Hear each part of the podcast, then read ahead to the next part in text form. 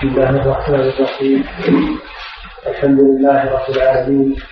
صلى الله وسلم على نبينا محمد وعلى آله وصحبه أجمعين.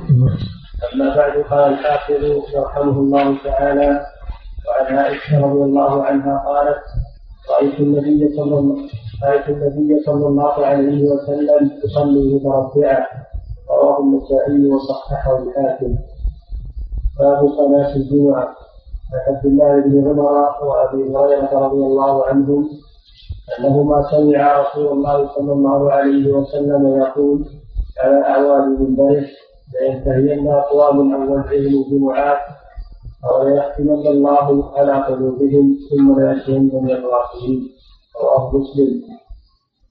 وعن سلمة بن الأكوع رضي الله عنه قال كنا نصلي مع رسول الله صلى الله عليه وسلم يوم الجمعة ثم ننصرف وليس بالاحتقان ظل يستظل به. متفق عليه واللفظ للبخاري وفي لفظ لمسلم كنا نجمع معه إذا زالت الشمس ثم نرجع ونتتبع الكيل وعن سهل بن سعد رضي الله تعالى عنه قال ما كنا نقيل ولا نتغدى إلا بعد الجمعة. متفق عليه واللفظ لمسلم وفي رواية في عهد رسول الله صلى الله عليه وسلم.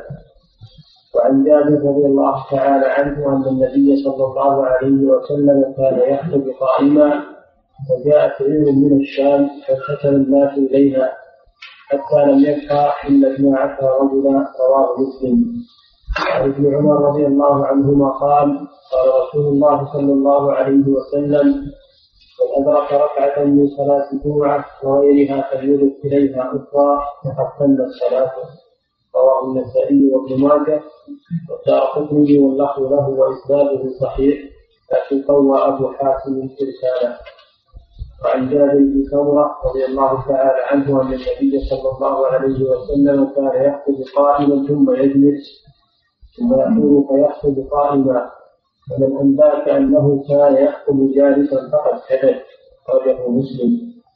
وعن جابر بن عبد الله رضي الله عنه قال كان رسول الله صلى الله عليه وسلم إذا خطب مرت عيناه وعلى صوته واشتد غضبه كأنه منذر الجيش يقول صبحكم ومساكم ويقول أما بعد فإن خير الحديث كتاب الله وخير الهدي هدي محمد وشر الأمور محدثاتها وكل بدعة ضلالة رواه مسلم وفي رواية له كانت خطبة النبي صلى الله عليه وسلم يوم الجمعة يحمد الله ويثني عليه ثم يقول ألا في ذلك وقد على صوته وفي رواية له من يهدي الله فلا مضل له ومن يضلل فلا هادي له وللنسائي وكل ضلالة في النار. بسم الله الرحمن الرحيم. الحمد لله رب العالمين صلى الله وسلم على نبينا محمد قال رحمه الله باب الجمعة الجمعة بضم الجيم وفتح وفتح الميم الجمعة لغة والجمعة بضم الجيم والميم هو المشهور. فيقال جمعة وهذا هو المشهور. ويقال جمعة ويقال جمعة. بضم الجيم وإسكان الميم. جمعة جمعة جمعة. سميت بذلك قيل لأن الناس يجتمعون فيها فهي جمعة بمعنى جامعة. وقيل سميت بذلك لأن الله جمع فيها خيرا كثيرا فلها فضائل عظيمة تمتاز بها على غيرها من الصلوات. وقيل سميت بذلك لأن الله جمع فيها خلق آدم عليه السلام ويوم الجمعة فيه فضل عظيم فهو سيد الأيام وهو عيد الأسبوع قد اختاره الله لهذه الأمة وأضل عنه من كان قبلها فلليهود يوم السبت وللنصارى يوم الأحد واختار الله لهذه الأمة يوم الجمعة الذي هو أفضل الأيام. قال صلى الله عليه وسلم خير يوم طلعت فيه الشمس يوم الجمعة. فيه خلق آدم وفيه يدخل الجنة وفيه أخرج منها وفيه تقوم الساعة. فهو يوم حصلت فيه أحداث عظيمة وهو اليوم الذي تكامل فيه الخلق. خلق السماوات والأرض في ستة أيام. أولها يوم الأحد وآخرها يوم الجمعة.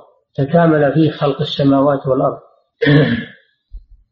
قد شرع الله لهذه الأمة اجتماعات عظيمة للعبادة فشرع لأهل الحارات خمس اجتماعات في اليوم والليلة. خمسة اجتماعات في اليوم والليلة. للصلوات الخمس. وشرع الله لأهل البلد اجتماعا أسبوعيا هو يوم الجمعة يجتمع فيه أهل البلد كلهم لصلاة الجمعة. وشرع الله اجتماعا سنويا لأهل البلد أيضا هو لصلاة العيد سنوي. هذه ثلاثة اجتماعات اجتماع يومي خمس مرات الصلوات الخمس واجتماع أسبوعي وهو الاجتماع ليوم الجمعة لصلاة الجمعة واجتماع سنوي وهو الاجتماع لصلاة العيدين. وهناك اجتماع أكبر للأمة من مشارق الأرض ومغاربها سنويا وهو الاجتماع في عرفة. ومزدلفة ومنى الاجتماع في المشاعر المقدسة لأداء مناسك الحج لجميع المسلمين في مشارق الأرض ومغاربها. فدين الإسلام دين الاجتماع. على الخير الاجتماع على الخير وعلى العباد وائتلاف القلوب واجتماع الكلم وينهى عن التفرق والاختلاف والتشتت. الاجتماع رحمة. والفرقة عذاب. فهذا من رحمة الله سبحانه وتعالى لهذه الأمة. اختص الله هذا اليوم يوم الجمعة بصلاة الجمعة وهي فرض الوقت. صلاة الجمعة هي فرض الوقت.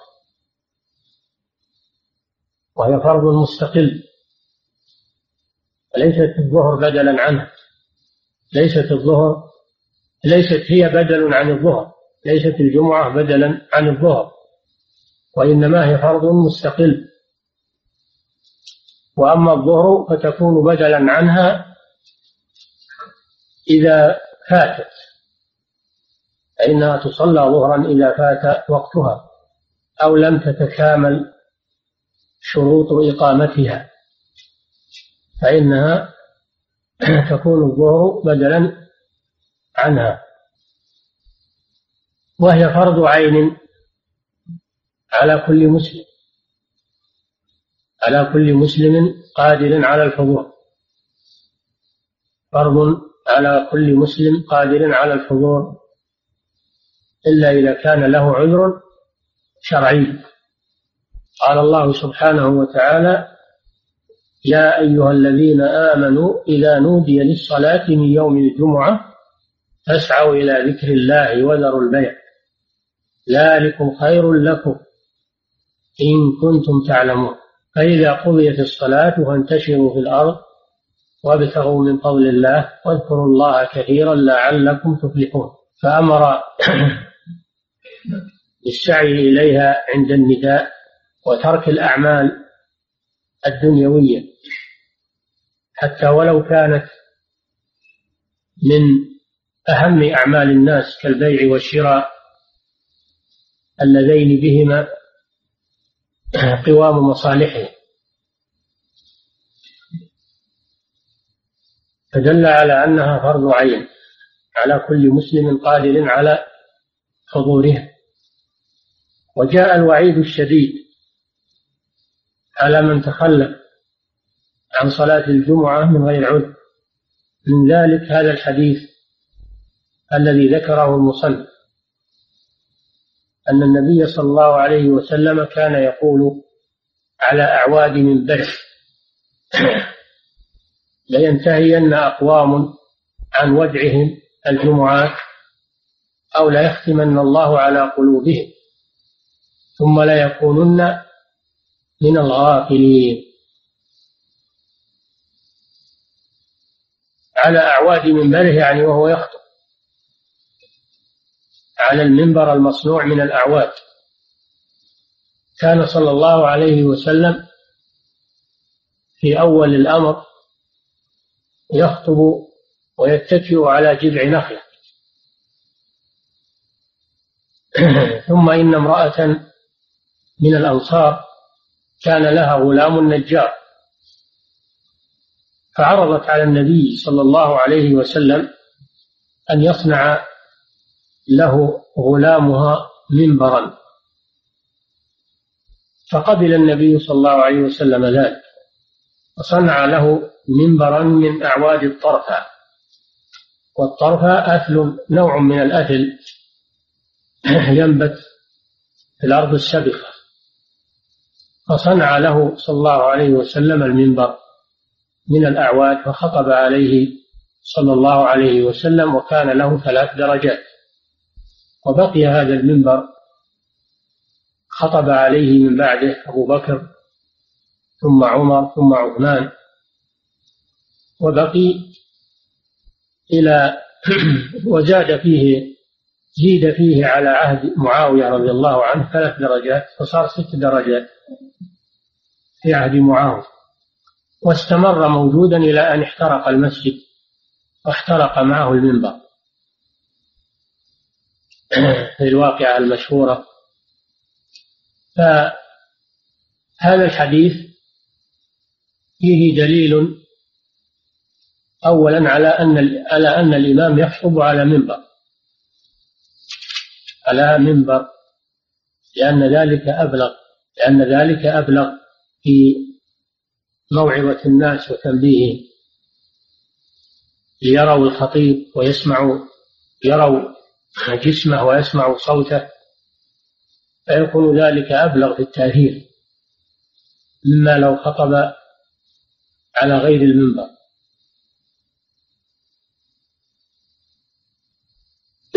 فمن هدي الخطبة أن تكون على منبر أو على موضع عال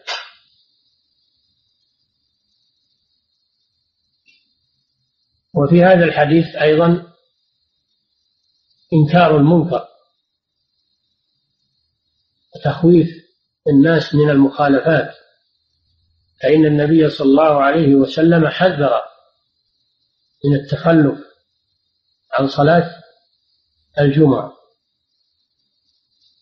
وتوعد على ذلك.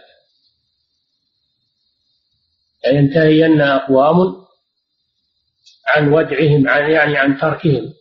الودع معناه الترك. مصدر دع يعني اترك عن ودعهم الجمعات جمع جمعة. أو ليختمن الله على قلوبهم. الختم في اللغة معناه الاستيثاق من الشيء وربطه وضبطه بحيث لا يخرج منه شيء ولا يدخل عليه شيء. مثل ختم الكيس على النقود. والمراد هنا تغليف القلوب تغليف القلوب وربطها بحيث لا يصل إليها النور والهداية. وهو من أمراض القلوب.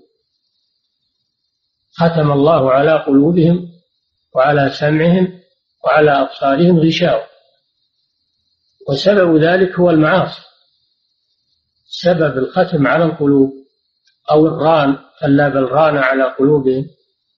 السبب في هذا هو الذنوب فإن الذنوب تؤثر في القلوب المرض وقد يشتد ذلك حتى يختم عليها تغطى والعياذ بالله وتغلف فلا ينفذ إليها موعظة ولا تتأثر بقرآن ولا بتذكير عقوبة لأصحابها. وهذه أشد العقوبات. فإن كون الإنسان يعاقب بالمرض في جسمه أو بالموت أو بالقتل أو بقطع الأعضاء أو بالجراح أخف أو بال أو أو بذهاب المال أخف كل هذه العقوبات أخف من عقوبة القلب.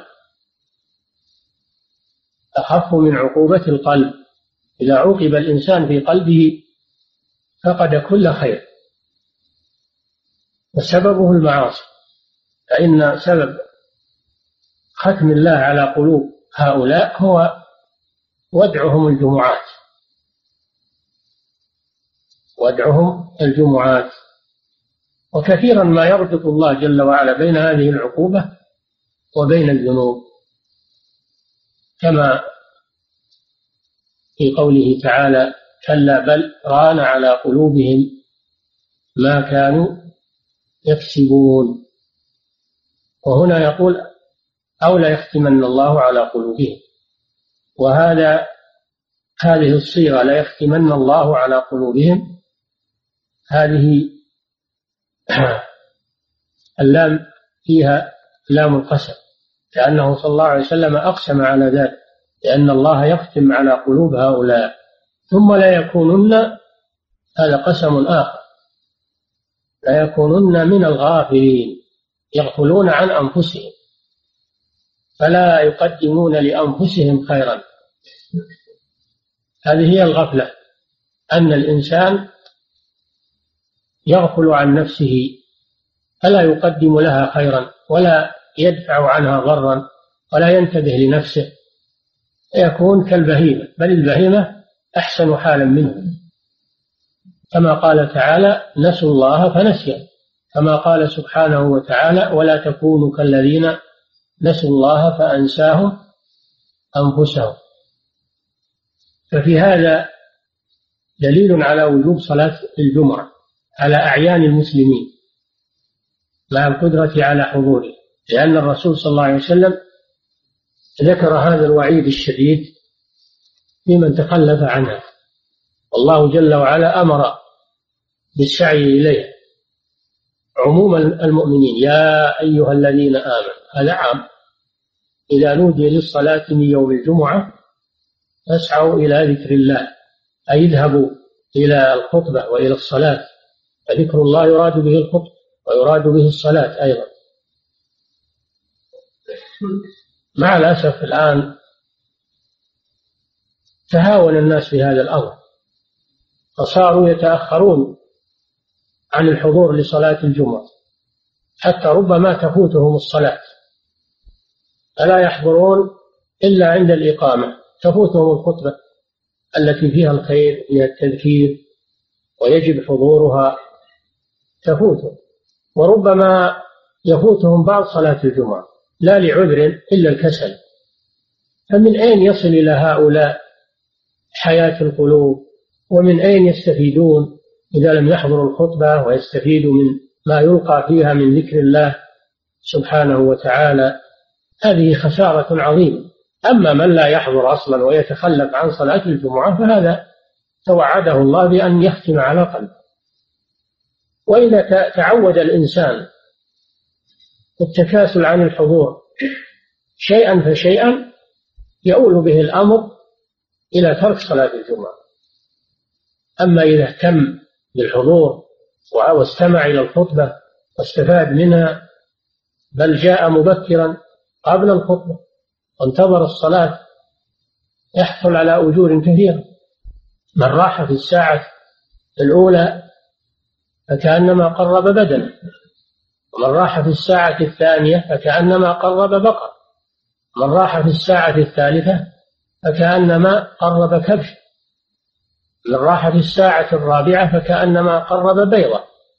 ومن راح في الساعة الخامسة من راح في الساعة الرابعة فكأنما قرب دجاجة ومن راح في الساعة الخامسة فكأنما قرب بيضة. ثم بعد ذلك تطوى الصحائف. تنتهي ساعة الفضل. الذي ما يأتي إلا متأخرا هذا لا يكتب له أجر التبكير يحرم من أجر التبكير هذا حرمان عظيم. ففي هذا الحديث أن صلاة الجمعة فرض عين على كل مسلم قادر. وفي الحديث أن أن التأخر عن صلاة الجمعة يسبب العقوبة بالختم على القلب فلا ينتفع به بعد ذلك. قال تعالى وأما من بخل واستغنى وكذب بالحسنى فسنيسره للعسر. الإنسان هو الذي يتسبب في هلاك نفسه أو يتسبب في فكاكها ونجاتها. كما قال النبي صلى الله عليه وسلم كل الناس يغدو فبائع نفسه كمعتقها أو موبقها الإنسان هو الذي يهلك نفسه أو ينقذها من عذاب الله. فإن عمل بالطاعات أنقذ نفسه وإن عمل بالمعاصي أهلكها. فهو لا يخلو من إحدى الحالتين. وهذا الحديث فيه الوعيد الشديد على من تخلف عن صلاة الجمعة من غير عذر شرعي. وفيه أيضا في ضمنه النهي عن التأخر عن حضور الخطبة لأن هذا يجره إلى التأخر عن الصلاة. الإنسان إذا عود نفسه الكسل فإنها تنتهي به إلى الهلاك. وإذا عود نفسه الحزم وعودها على الطاعة فإنها تألف ذلك ويصبح مألوفا له. سهلا عليها.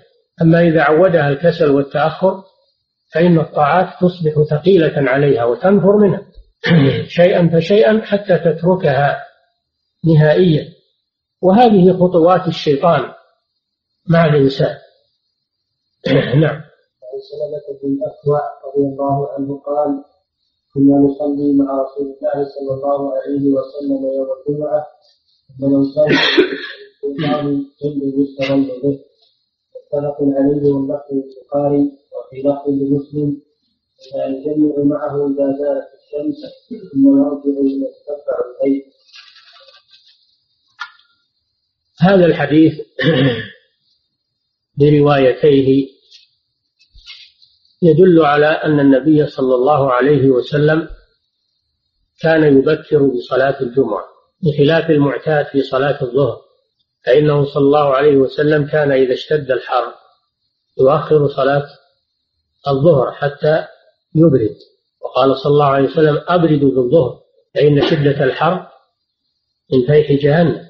الظهر كان يبرد بها في وقت الحر أما الجمعة فكان يبكر بها.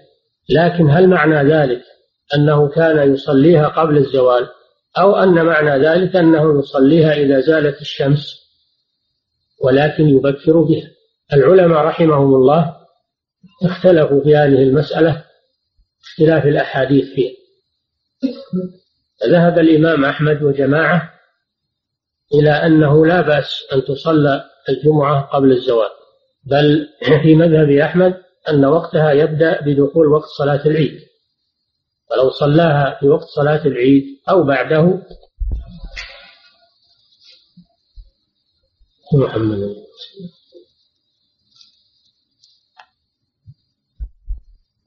كنا نصلي مع الرسول صلى الله عليه وسلم صلاة الجمعة ثم ننصرف وليس للحيطان ظل يستظل به. فدل هذا على أنها أنه كان يصليها قبل الزواج وفي حديث جابر ما كنا كنا نصلي مع النبي صلى الله عليه وسلم ثم نرجع إلى رواحلنا نرجع إلى نواضحنا فنريحها. وفي حديث آخر ما كنا نقيل ولا نتغدى إلا بعد صلاة الجمعة. وكل هذه الأحاديث تدل على أنه لا بأس أن تصلى الجمعة قبل الزواج بخلاف صلاة الظهر فإنها لا يجوز أن تصلى إلا بعد الزواج القول الثاني وهو قول الأئمة الثلاثة. الجمهور أن صلاة الجمعة مثل صلاة الظهر. يدخل وقتها بزوال الشمس. يدخل وقتها بزوال الشمس. وحملوا الأحاديث التي فيها ما يفيد تقديم الجمعة على التبكير بها من حين الزوال لا أنها تصلى قبل الزوال. هذا قول جمهور أهل العلم. وهو رواية ثانية عن أحمد. القول الثالث وهو مروي عن مالك رحمه الله أنه يجوز تقديم الخطبتين قبل الزوال وأما الصلاة فلا تكون إلا بعد الزوال. فملخص الأقوال أن القول الأول يجوز تقديم الخطبتين والصلاة قبل الزوال والقول الثاني لا يجوز فعل الخطبتين والصلاة إلا بعد الزوال. والقول الثالث يجوز تقديم الخطبتين قبل الزوال أما الصلاة الجمعة فتكون بعد زوال الشمس. لأن مفاد حديث كنا نجمع مع النبي صلى الله عليه وسلم ثم نرجع نتتبع الفيء كنا نجمع مع النبي صلى الله عليه وسلم بعد الزوال كذا بعد الزوال ثم نرجع نتتبع الفيء هذا يدل على أنه يصليها بعد الزوال وأن وأنهم ينصرفون وهناك فيء يعني ظل الفيء المراد به الظل من جهة المشرق هذا الفيء. سمي فيئا من الفيء وهو الرجوع. فالظل بمعنى رجع. لأن الشمس إذا زالت عن الرؤوس إلى جهة المغرب برز الظل من جهة المشرق للشواخص والمباني. سمي يسمى هذا بالفيء. الظل هذا يسمى بالفيء. وكونهم يصلون بعد الزوال ويرجعون يتتبعون الفيء هذا دليل على أنه لم يكن صلى الله عليه وسلم يصليها قبل الزوال. ولا شك أن الأحوط والأرجح ما ذهب إليه الجمهور. وعليه الفتوى الآن الفتوى على هذا الآن. وقد صدر به قرار هيئة كبار العلماء في هذه البلاد أن الجمعة لا تصلى إلا بعد الزوال عملا بالراجح. وما عليه الجمهور. نعم. عن سهل بن سعد رضي الله تعالى عنه قال ما كنا نقيل ولا نتغفى إلا بعد الجمعة. متفق عليه. وفي مسلم وفي رواية في عهد رسول الله صلى الله عليه وسلم. هذا حديث سهل بن سعد الساعدي رضي الله عنه. ما كنا نقيل ولا نتغدى إلا بعد الجمعة. وكان عادة أهل المدينة أنهم لا يقيلون ولا يتغدون إلا بعد الزوال إلا بعد الظهر. لا يقيلون ولا يتغدون إلا بعد الظهر. فهذا من أدلة القول الأول أنه يجوز تقديم صلاة الجمعة قبل وقت الظهر يعني قبل الزوال. هذا من أدلة تقديم على الزوال. ثم قال وكان ذلك على عهد رسول الله صلى الله عليه وسلم. ليدفع بذلك الاعتراض بأن هذا لم يكن من فعل الرسول صلى الله عليه وسلم. فإذا فعل هذا في عهده ولا شك أن الذي كان يصلي الجمعة هو الرسول صلى الله عليه وسلم. دل هذا على أن الصلاة قبل دخول وقت الظهر أنه كان من فعله صلى الله عليه وسلم. بعض العلماء أراد أن يجمع بين الأحاديث فيقول تحمل هذه الأحاديث على أنه صلى الله عليه وسلم في بعض الأحيان يصلي قبل الزوال وبعض الأحيان يصلي بعد الزوال ليدل هذا على جواز الأمرين وهذا يتفق مع القول الأول مع رأي الإمام أحمد. نعم.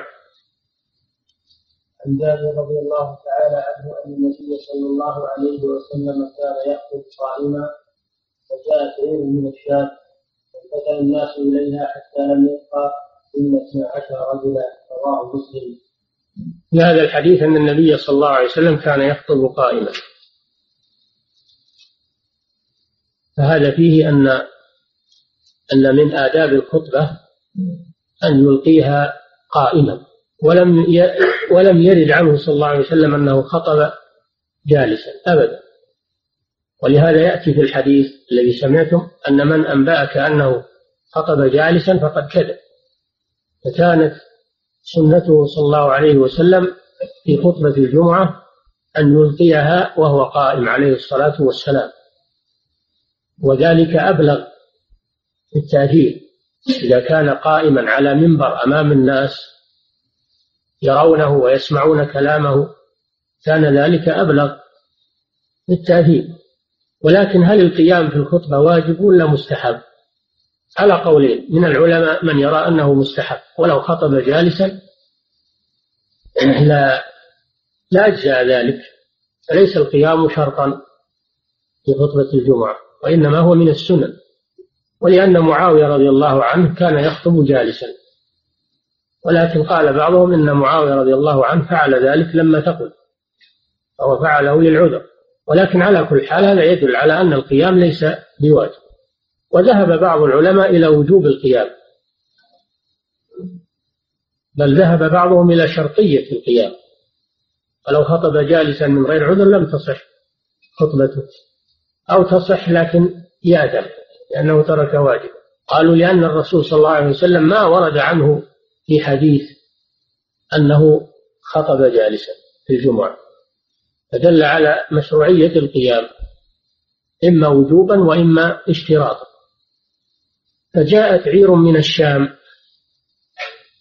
يعني قدمت عير إلى المدينة من الشام لأن كان من عادتهم أنهم يتاجرون ويستخدمون الأموال من الشام لأنها بلاد تجارية. بل كان لقريش كان لقريش رحلتان. رحلة في الشتاء إلى اليمن ورحلة في الصيف إلى الشام. كما قال تعالى لإيلاف قريش إيلافهم رحلة الشتاء والصيف. الشتاء إلى اليمن والصيف إلى الشام. يتاجرون. قدمت عير العير هي الإبل المحملة. العير هي الإبل المحملة. أي محملة بالبضائع وكانوا في حاجة كانوا في المدينة في حاجة. فلما سمعوا بقدومها وهم في المسجد والرسول صلى الله عليه وسلم يخطب انصرفوا إليها. ولم يبق مع النبي صلى الله عليه وسلم منهم إلا اثنا عشر رجل. أنزل الله جل وعلا في ذلك عتابا لهم. وإذا رأوا تجارة أو لهوا انفضوا إليها وتركوك قائما. قل ما عند الله خير من اللهو ومن التجارة.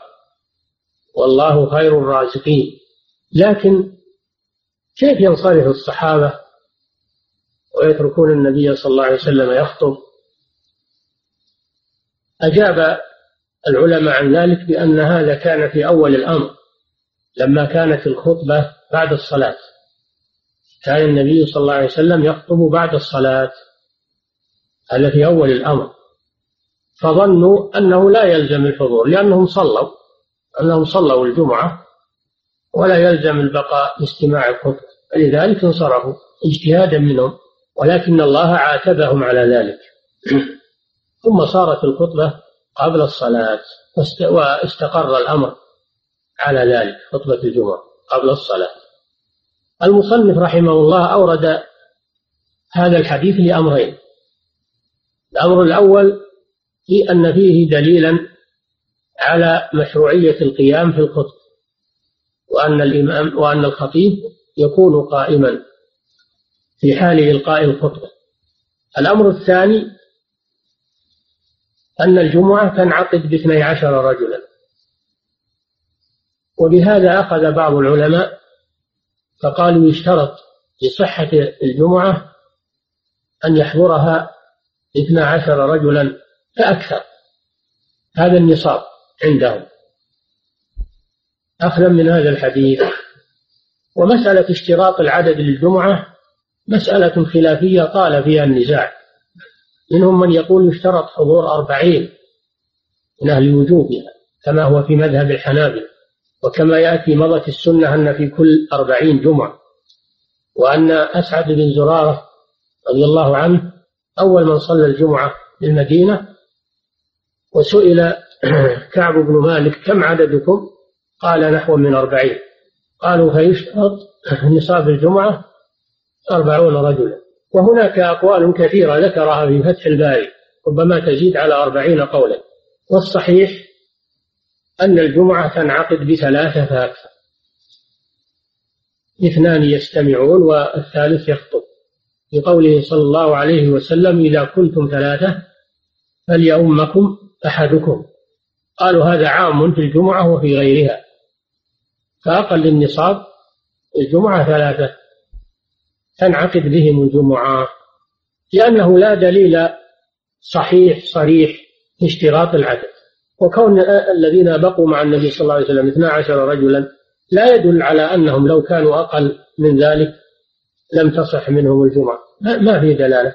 وكذلك الأربعين ما في دلالة على أن الأقل منهم لا تنعقد بهم الجمعة. فالاشتراط يحتاج يحتاج إلى دليل صحيح صريح وليس هناك دليل. فتنعقد الجمعة بما تنعقد به الجماعة. هذا هو الأصل. من ثلاثة فأكثر.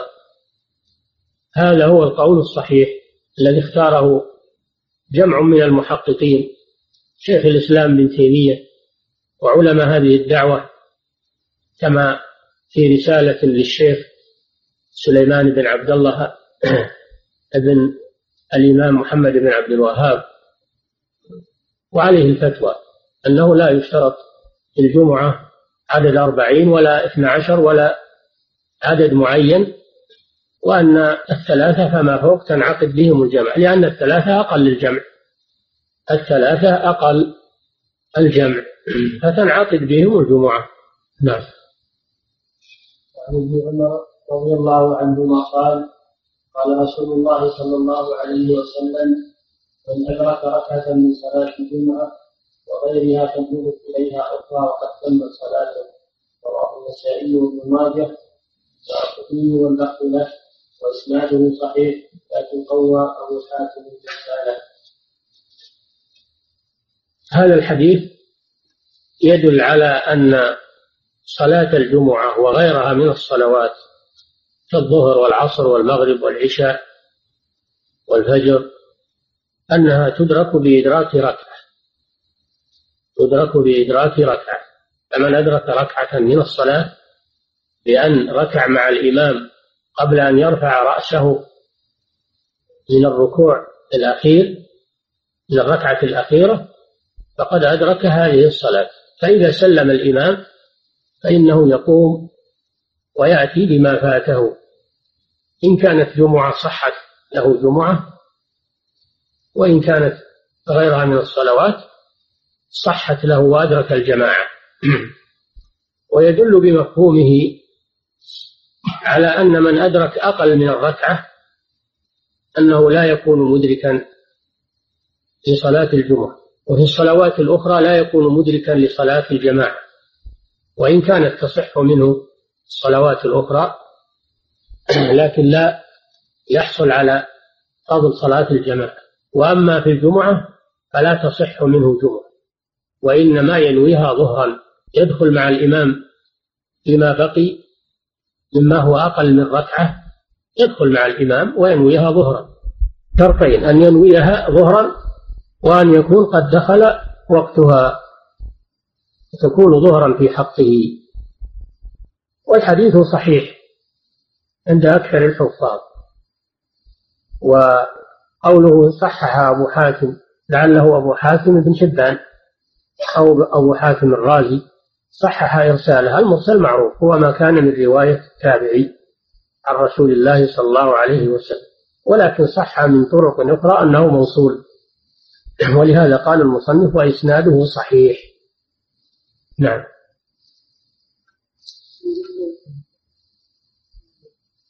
يضيف إليها أخرى إن كانت جمعة. ويضيف إليها ما بقي من الصلاة إن كانت غير جمعة. نعم. عن جابر بن سمرة رضي الله تعالى عنه. أن النبي صلى الله عليه وسلم كان يخطب قائما ثم يجلس ويقوم فيخطب قائما. ومن ثبت أنه كان يخطب جالسا فقد ثبت رجع مسلم. وهذا الحديث أيضا فيه إثبات أن أن خطبة الجمعة تلقى من قيام إما وجوبا وإما استحبابا أو اشتراطا كما يرى بعضهم. فلا لا بد من القيام في إلقاء الخطب لأن ذلك أبلغ وهو سنة الرسول صلى الله عليه وسلم. هذه مسألة. المسألة الثانية فيه دليل على الجلسة بين الخطبتين وأنه صلى الله عليه وسلم إذا فرغ من الخطبة الأولى يجلس جلوسا يسيرا قالوا بمقدار قراءة سورة الإخلاص. بمقدار قراءة سورة الإخلاص. ثم يقوم فيخطب عليه الصلاة والسلام أي الخطبة الثانية. ففيه أن الخطبة تكون من قيام وفيه مشروعية الجلسة بين الخطبتين وأنه لا يواصل بين الخطبتين قائما حتى يفصل يفصل بينهما بجلوس يستريح فيه.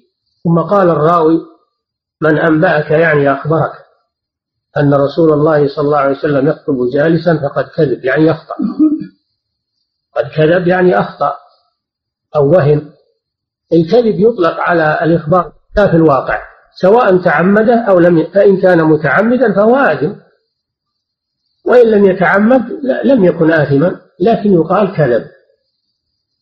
فيطلق الكذب على الخطأ وإن لم يتعمد الإنسان. نعم. عن جابر بن عبد الله رضي الله عنه قال كان رسول الله صلى الله عليه وسلم إذا خطب مر خيمه على صوته واشتد غضبه حتى كأنه منذ البيت يقول فتحكم مساكم ويقول أما بعد فإن خير الحديث كتاب الله وخير الهدي هدي محمد وشر الأمور محدثاتها وكل بدعة ضلالة. رواه مسلم. وفي رواية له كانت خطبة النبي صلى الله عليه وسلم يوم الجمعة. يحمد الله ويثني عليه. ثم يقول على إثم ذلك وقد على صوته. وفي رواية له من يهدي الله فلا مضل له ومن يضلل فلا هادي له. وفي النسائي وكل ضلالة في النار هذا الحديث برواياته فيه بيان آداب خطبة الجمعة. تقدم أن من آدابها أن يكون على منبر سواء من خشب أو من طين أو أي شيء مرتفع. ومن آدابها أن يخطب قائما ومن آدابها أن يجلس بين الخطبتين ومن آدابها العناية بالإلقاء بإلقاء الخطب. كان صلى الله عليه وسلم إذا خطب احمرت عيناه. وعلى صوته واشتد غضبه حتى كأنه منذر جيش يقول صبحكم ومساكم. فهذا فيه دليل على أن من آداب الخطبة العناية بإلقائها وأنها ليست كسائر الكلام الذي يتحدث به الإنسان مع الناس ليست كحديث المجالس أو الدروس وإنما هي وضع خاص يعتنى بها لإلقائها بعض الناس إذا ألقى الخطبة كأنما يقرأ من كتاب قراءة عادية يسرد. يسرد الكلام سردا لأنه كاتب ورقات يريد أن يستفرغها. فيعجل القراءة من أجل أن يأتي على ورقاته. هذه ما هي خطبة هذه قراءة. هذه تسمى قراءة ما هي خطبة. الخطبة لها إلقاء. ولها طابع. تؤثر في الناس تلفت الحاضرين تجلب انتباههم. أما إذا صرت تقرأ قراءة وتسرد ناموا وغفلوا عنك. أنها صارت قراءة عادية. كأنما تقرأ جريدة ولا تقرأ في أي كتاب. في فرق بين القراءة وبين الكتب؟ يجب التنبه لمثل هذا. كان صلى الله عليه وسلم إذا خطب احمرت عيناه. هذا من يدل على مبالغته صلى الله عليه وسلم واهتمامه بإلقاء الخطب لأن الناس يتأثرون بهذه الصفة. إذا رأوا الخطيب احمرت عيناه وعلى صوته انتبهوا وهذا أبلغ في التأثير والتحذير والإنذار لأن الخطبة إنذار وتحذير تخويف للناس من المعاصي والذنوب. ترغيب لهم في الخير تعليم لهم ما يجهلون. فالخطبة لها طابع خاص في ألفاظها وفي إلقائها. مرت عيناه وعلى صوته يرفع صوته صلى الله عليه وسلم حتى يسمعه الناس يسمعه كل الحاضرين. وعلى صوته واشتد غضبه يغضب صلى الله عليه وسلم لغضب الله يغضب إذا انتهكت حرمات الله. والخطيب إنما يخطب للتحذير والإنذار فيغضب. حذر الناس من المعاصي لا سيما إذا كان هناك معاص واقعة هم واقعون فيها ومخالفات فهذا يقتضي الغضب لله عز وجل لأن الله يغضب من هذه الأفعال تصرفات فيغضب لغضبه عباده ولا سيما الخطيب. فاشتد غضبه. حتى كأنه صلى الله عليه وسلم منذر جيش كان من عادة العرب أنه إذا دهمهم عدو أو قدم عليهم جيش يريد اجتياحهم يأتي النذير يسمى النذير العريان. يأتي النذير ويصيح صبحكم الجيش أو مساكم من أجل أن يستعدوا. ولا شك أن عقوبة الله وغضبه أشد من الجيش.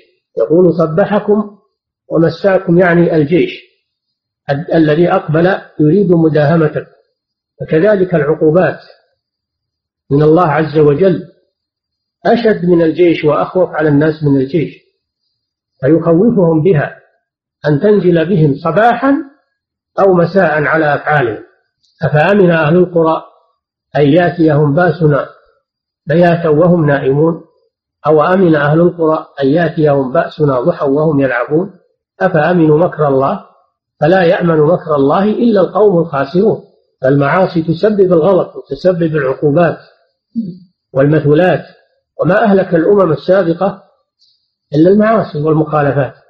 وكان صلى الله عليه وسلم يقول هذا فيه فدل هذا على العناية بإلقاء الخطبة وأنه يلقيها بحماس وبرفع صوت وبتأثر بحيث إذا تأثر الخطيب تأثر الحاضرون. أما إذا كان الخطيب مبسوط ومرتاح وهادي فإن الناس يهدؤون. لكن إذا كان الخطيب ظهر أمامهم متأثرا ومهتما بما يلقي ومعظما لكلام الله وكلام رسوله فإن الناس يتأثرون. أما إذا ظهر أمامهم هادئ البال فإنهم لا يهتمون. كلام عادي. كذلك من مهام إلقاء الخطبة أن يختار الكلمات الجزلة للخطبة.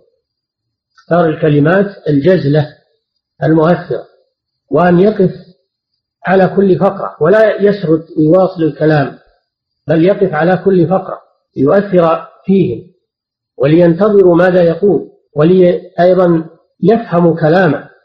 أما إذا سرد فإنهم لا يلتفتون إليه ولا يتأثرون بما يقول بل ينتظرون متى ينتهي. ليرتاحوا ويستريحوا وربما ينامون ويتركون أنه ما أثر فيهم ولا حركهم. هذا من آداب الخطبة الإلقاء والاهتمام به. ثم من آداب الخطبة أيضا الاقتداء بالرسول صلى الله عليه وسلم فيما يقول فيها. هو الخطيب مطلق الاختيار يقول ما شاء. يجمع ما شاء من الكلام أو يجيب على على ذوقه هو أو مزاجه هو لا. يتحرى هدي الرسول صلى الله عليه وسلم فيمشي عليه في الخطبة. كان صلى الله عليه وسلم يبتدئ الخطبة بحمد الله والثناء عليه وهذا عام في كل شيء له بال. كما قال صلى الله عليه وسلم كل أمر ذي بال لا يبدأ فيه بالحمد لله فهو أبتر. وفي رواية فهو أجلم أي ناقص البركة. رواه أبو داود. وكذلك بعد حمد الله والثناء عليه يأتي بالشهادتين. شهادة لا إله إلا الله وأن محمدا عبده ورسوله. ويصلي على النبي صلى الله عليه وسلم لأنه تشرع الصلاة عليه عند ذكره عليه الصلاة والسلام. ثم يقول أما بعد. أما بعد هذه كلمة يؤتى بها. الانتقال من أسلوب إلى أسلوب آخر ينتقل بها من صدر الخطبة وافتتاحيتها إلى الموضوع الذي سيتحدث عنه في هذه الخطبة.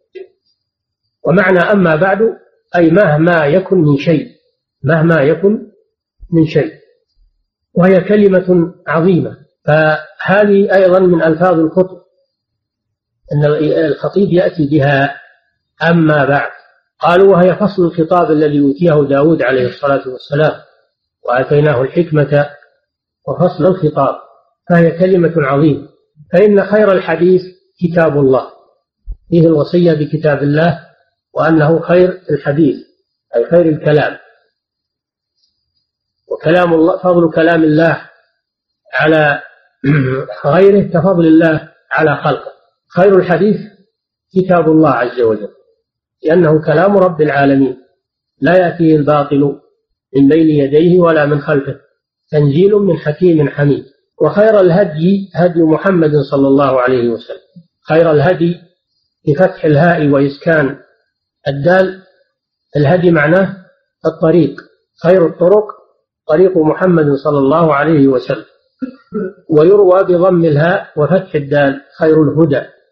هدى محمد صلى الله عليه وسلم.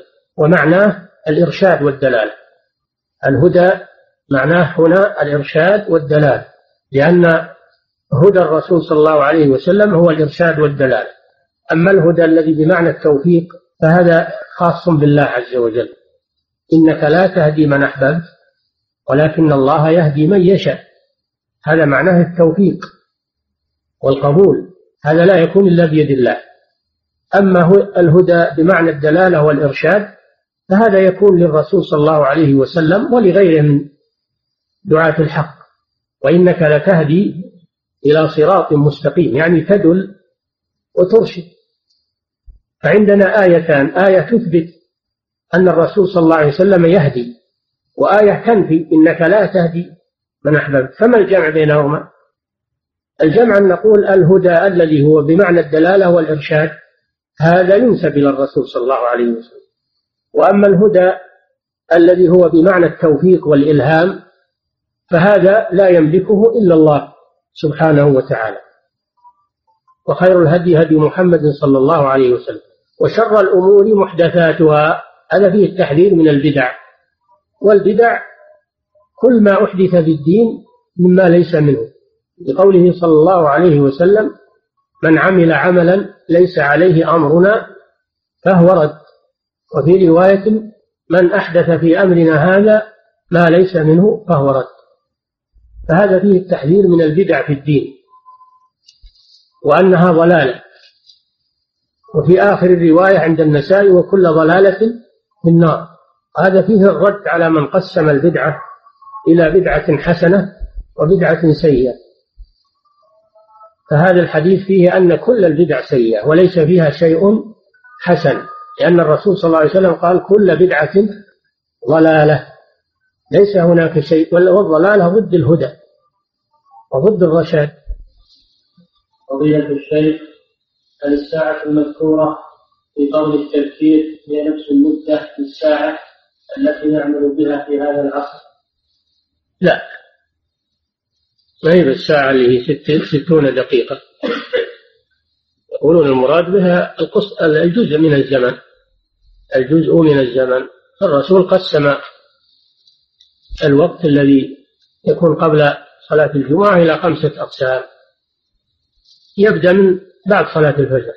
تبكير يبدأ من بعد صلاة الفجر إلى أن يدخل الخطيب. وهذا الوقت مقسم إلى خمسة أجزاء. نعم. فضيلة الشيخ متى تبدأ الساعة الأولى هل بدايتها من طلوع الشمس؟ صحيح أنه من طلوع الفجر.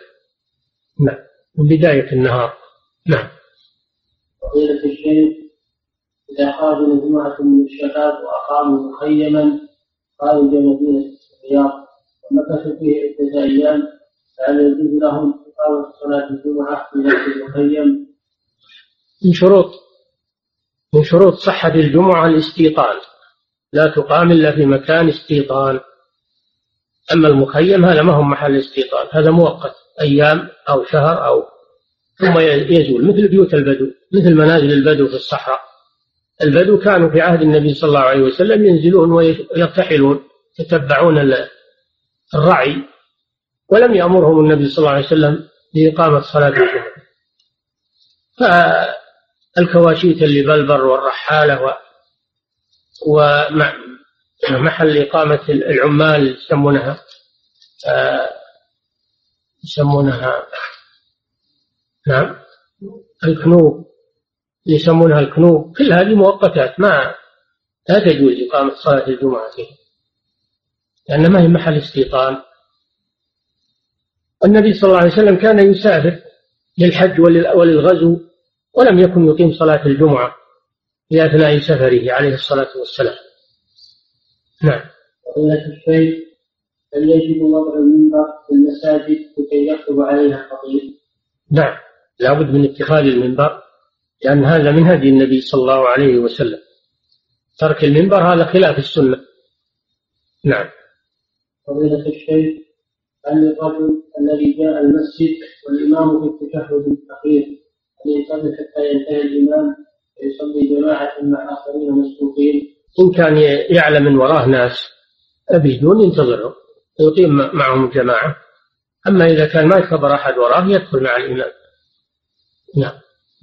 فضيلة الشيخ ماذا يقول الإنسان في الجلسة بين الخطبتين مع ذكر الدليل؟ يدعو. يدعو. وساعة يوم الجمعة التي قال النبي صلى الله عليه وسلم إنها يستجاب فيها الدعاء. من العلماء من يرى أنها ما بين جلوس الإمام على المنبر إلى أن تقضى الصلاة. كل هذا محل الدعاء ومحل للإجابة. فيدعو. نعم. هو يدعو والإمام في جلوسه يدعو أيضا. نعم. فضيلة الشيخ مرات في القيام في خطبة الجمعة. الراجح والله أعلم أنه واجب مع مع القدرة والاستطاعة لأن هذا هدي الرسول صلى الله عليه وسلم. ما ذكر أنه خطب جالسا استمراره صلى الله عليه وسلم على ذلك يدل على وجوبه. نعم. فضيلة الشيخ هل هو واجب على الخطيب أن يخطب وفي يده عصا؟ وما حكم ذلك؟ نعم من من سنن الخطبة أنه يخطب على يعتمد على شيء. يعتمد على شيء عصا أو على حرف المنبر طرف المنبر. يعتمد على شيء لأن هذا أثبت له وأعون له على إلقاء الخطبة. يعتمد على شيء على قوس أو على عصا أو على طرف المنبر. نعم. أحسن من كونه لا يمسك بشيء لأن هذا أثبت له. نعم. فضيلة الشيخ ما رأيكم في كلام المؤلف على كتاب قلوب المرام عند قوله صلى الله عليه وسلم كل بدعة ضلالة قال المؤلف وهذا عام مخصوص والمراد غالب البدع. هذا كلام مردود. هم قالوا هذا فيه من قال هذا. لكن مثل ما قسمها صاحب قواعد الأحكام العز بن عبد السلام رحمه الله إلى خمسة أقسام هذا تقسيم مردود وإن قال به من قال. لأن الرسول صلى الله عليه وسلم لم يستثني شيئا من البدع بل قال كل بدعة ضلالة. نعم. فضيلة الشيخ سافرت من الرياض إلى المدينة ونزلت بالقصيم. صليت الظهر والعصر وجلست بها قليلا. ثم سرت ودخل علي وقت صلاة المغرب وأنا في سيري إلى المدينة قبل أن أخرج من القصيم فأخرتها إلى وقت البكاء فهل هذا صحيح؟ فإنه كان يجب علي أن أصلي المغرب في القصيم ما دام دخل وقتها وأنا في القصيم. إن كان في القصيم ما هي بلدك وإنما أنت مار بها وبلدك الرياض فأنت مسافر مرورك بالقصيم أنت مسافر لك تأخير المغرب إلى العشاء سواء كنت جالس في القصيم أو ماشي في الطريق لأنك ما زلت مسافرا. أما إن كانت القصيم بلدك وهي محل إقامتك فإنك تصلي ما وجب عليك وأنت في البلد تصليها في وقتها ولا تؤخر. نعم. فضيلة الشيخ جاء في رواية الحاكم من حديث أنس رضي الله عنه بإسناد صحيح أنه قال فإن زالت الشمس قبل أن يرتحل صلى الظهر والعصر ثم ركب أن يستدل به على أن من أراد السفر بعد دخول وقت صلاة الظهر أنه يجوز له أن يجمع العصر مع الظهر جمع تقديم في بلده ثم يسافر وإذا كان كذلك فهل يقصر الصلاتين أم يتم؟ هذا لا يجوز. النبي صلى الله عليه وسلم كان يفعل هذا وهو في الطريق ليس وهو في المدينة قال هو وهو في الطريق. الإنسان الذي في بلده هذا مقيم. ولو كان عازما على السفر أو متحركا به أو يسير في البلد ذاهبا إلى السفر فهذا حكمه حكم المقيمين. يصلي تماما ويصلي في الوقت ولا يقصر من الصلوات ولا يجمع إلا ما وجب عليه بعد خروجه ما وجب عليه بعد خروجه من البلد. نعم. فضيلة الشيخ ما معنى الاستنكاف؟ نعم. ما معنى الاستنكاف؟ استنكاف؟ معنى الاستنكاف؟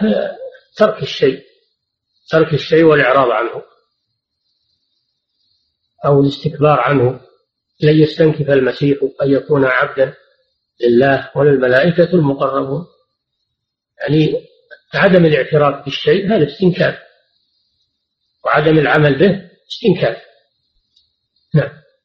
قضية الشيخ حديث لعن الله العقرب ما معنى اللعن هنا؟